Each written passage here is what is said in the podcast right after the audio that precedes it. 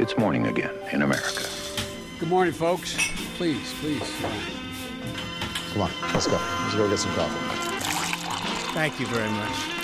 God morgen. Det er fredag 24. november, og morgenkaffen fra amerikanskpolitikk.no er servert. I går meldte New York Times at advokater av president Donald Trumps tidligere nasjonale sikkerhetsrådgiver Michael Flynn har varslet presidentens juridiske gruppe om at de ikke kan diskutere etterforskningen av spesialetterforsker Robert Mueller og denne Russland-saken.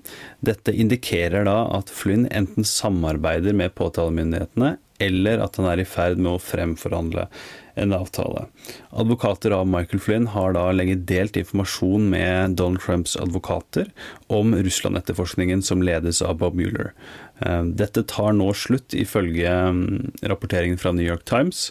Eh, det er da en interessekonflikt mellom eh, de som da verner om Flynns interesser og Trumps advokater.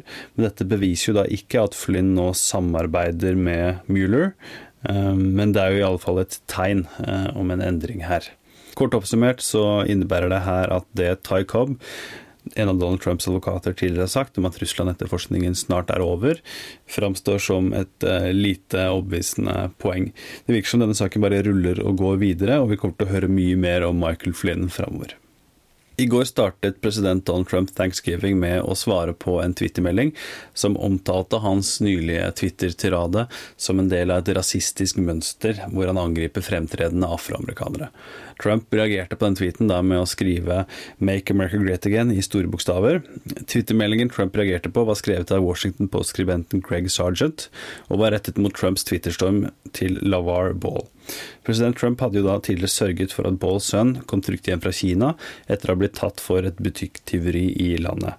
Ball takket aldri presidenten skikkelig, noe Trump påpekte flere ganger via Twitter, og nærmest krevde å få den uh, hederen og æren han selv følte han fortjente i det tilfellet. I denne artikkelen i Washington Post som ble publisert på onsdag, så argumenterte Greg Sargent for at Trump gjør sitt ytterste for å angripe fremtredende afroamerikanere, inkludert da LaVar Ball og profesjonelle fotballspillere. Eh, og argumentasjonen til Sargent går ut på eh, at han gjør dette for å underbygge Trump-tilhengernes tro på at systemet er i favør av minoriteter i USA. For sånn sett å spille opp under splittelsen internt i det amerikanske samfunnet. Og basert på reaksjonen til Trump, så virker det i alle fall som om Sergeant traff en nerve hos presidenten. Dagens utgave av Morgenkaffen er servert av Lene Marita Berg Herman og undertegnede Are Togflaten.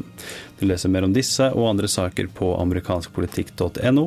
Du finner Morgenkaffen i Spotify, iTunes og andre podkastapper sammen med Ampolkast. Vi setter stor pris på at du hører på, så får du ha en god helg, og så snakkes vi på mandag.